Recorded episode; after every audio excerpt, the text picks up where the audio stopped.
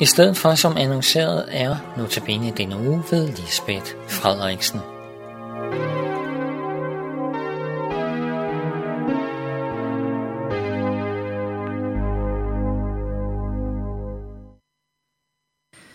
I dagens andagt læser vi fra slutningen af lignelsen om de betroede talenter i Matthæus 25, 26-30.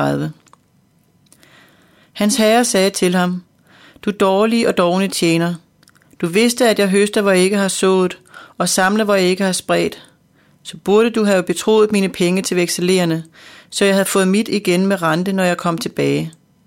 Tag derfor talenten fra ham, og giv den til ham med de ti talenter. For enhver, som har, til ham skal der gives, og han skal have overflod. Men den, der ikke har, for ham skal selv det tage, som han har. Og kast den udulige tjener ud i mørket udenfor. Der skal der være gråd og tænderskæren. Du husker måske, at tjeneren, som fik denne opsang, og som blev smidt på porten, havde fået en talent af sin herre, som skulle rejse til udlandet, mens to andre tjenere var betroet henholdsvis to og fem talenter. Denne tjener fik altså mindst. Og mens de to andre tjenere handlede og tjente flere talenter, så gravede den dogne tjener sin herres penge ned i jorden, og han havde derfor kun dette ene talent at give tilbage, da herren kom hjem. Hvordan reagerer du, når du læser eller hører denne lignelse? Tænker du, at det er alligevel en hård dom? Herren fik dog sin talent tilbage. Og synes du, at det er uretfærdigt, at det tages fra ham, der ikke har, og gives til ham, der har mest? Eller bliver du ramt af Guds ord og frygter, at du en dag vil blive kaldt en dogne tjener og blive smidt ud i, i mørket? Hvis du synes, det er en hård og uretfærdig dom, så vil jeg bede dig overveje, om du har det rette billede af Jesus og dig selv. Vil du kun læse og høre om Jesus som den kærlige, tålmodige og tilgivende Herre? Og ser du på dig selv som en, der har en lidt svag karakter, men i bund og grund er god nok? Der vil jeg være meget direkte at påstå, at det ikke er nok at være troende og kalde Jesus sin Herre, hvis han ikke virkelig er din Herre. Den, der ikke bærer sit kors og går i mit fodspor, kan ikke være min disciple, siger Jesus. Det kors er efterfølgelsens å. Det må vi tage på os. Gud er retfærdig. Jorden er hans, er hans. Love og regler er hans. Vil man være en Jesu disciple, må man indstille sig på den orden og hans lære. Al læren. Som afslutning på denne lille røffel vil jeg sige, du har et valg. Jesus dømmer os ikke med sine hårde ord i denne lignelse. Han advarer os. Det er stadig noget tid. Omvend dig er budskabet. Som kom, så kom med i følget og lad dig ramme af Guds ord. For det er, hvad mange af os bliver ramt. Det er udtryk for Guds frygt og selverkendelse at blive ramt af Guds ord. Når vi rammes, er det fordi vi har et sundt og sandt billede af Gud og af os selv. Det er ikke et billede, vi selv har fremmanet, men et billede, der er åbenbart af den hellige ånd. Kommer vi så altid til at handle rigtigt, når vi rammes? Det skal det næste handle om. Den ene måde at handle på er følgende. Vi vil forbedres. Den naturlige reaktion er at sige til sig selv, nu må det også være nok. Skeen må over i den anden hånd. Jeg må tage mig sammen og rive alle mine dårligdomme op med roden. Jeg vil gøre gode gerninger og ikke synde, for meget i hvert fald. Og jeg må bede Gud om at hjælpe om hjælp hertil. Lad mig komme med en forudsigelse. Det vil ikke lykkes for dig. Dog, måske er du en stærk person, og får gjort op med nogle synder, om ikke andet de ydre, og du får påtaget dig nogle gode gerninger. Det er jo heller ikke dårligt, særligt ikke for dine omgivelser. Gud kan endda velsigne dig for det. Om du lykkes eller ikke, så gavner dine anstrengelser der intet, når du en dag skal stå foran Guds domstol. Paulus siger i Galaterne 2:16, at lovgærninger vil intet menneske blive retfærdigt.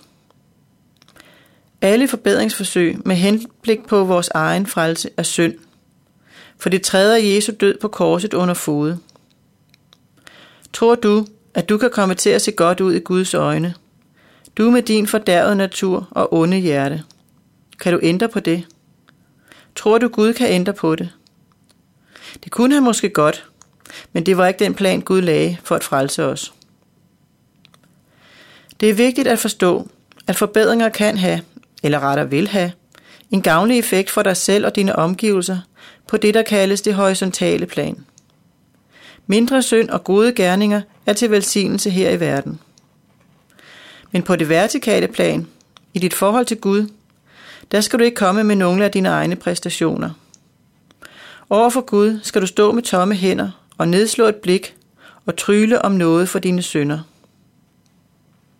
Hermed kommer jeg til den anden og, og mere rigtige måde at handle på. Tollerens. I lignelsen om farisæeren og tolleren i Lukas 18 er det netop tolleren, der går hjem som retfærdig, da han bad, Gud, vær mig sønder nådig.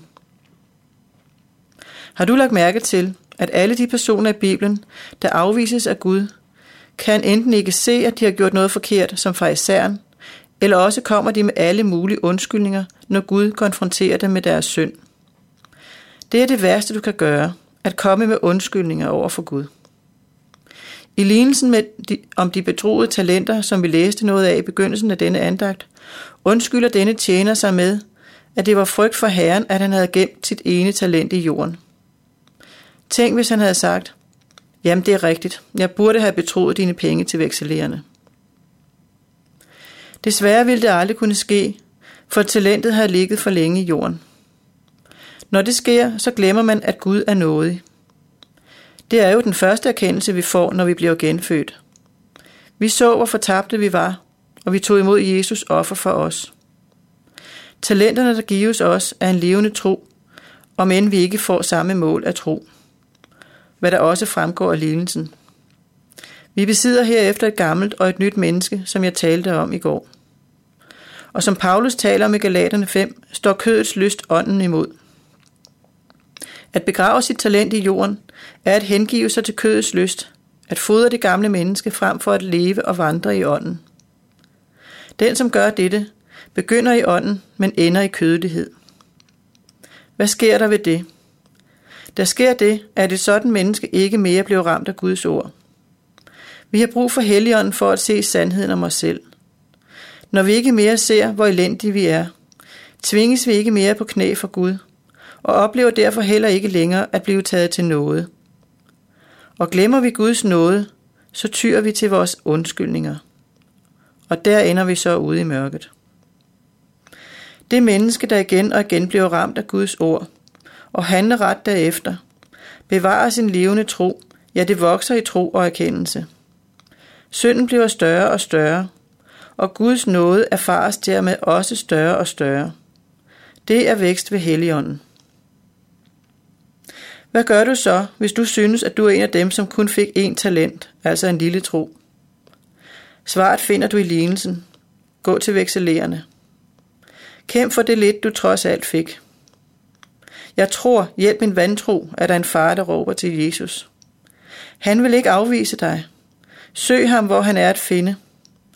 Læs i Bibelen alene, og få hjælp til at udlægge teksten fra nogle andre. Find en bibelstudiegruppe. Hør prædikner og bibeltimer på nettet. Hør notabene. Vekselerende veksler Guds levende ord til frelsende tro for dig, hvis du giver dem en mulighed. Så begrav aldrig en talent. Det er pantet til liv. Endelig, læg så mærke til, hvad Herren siger til de gode tjenere. De får samme svar, uanset hvor mange talenter de kommer med til ham. Svaret er, godt du gode og tro tjener. Du har været tro i det små. Jeg vil betro dig meget. Gå ind til din herres glæde. Herre Jesus, om vi altid må blive ramt af dit ord igen og igen. Tak for, at du har givet os et ord til advarsel, inden det er for sent. Vil du være særlig opmærksom på dem, som kun har fået lidt givet. Vær nådig og åbn dit ord, når vi læser det og hører det, så det sætter frugt i vores liv. Giv os et længes efter dit ord, og hver dag vokse i troen. Tak for, at vi her i landet frit kan samles og lytte og tale sammen om dit ord og andre handlinger til Guds tjeneste for dig. Tak for de mange muligheder, vi har fået til at høre på dit ord, dit ord på nettet og her i radioen. Vi beder om, at disse muligheder bevares, til du kommer tilbage. Amen.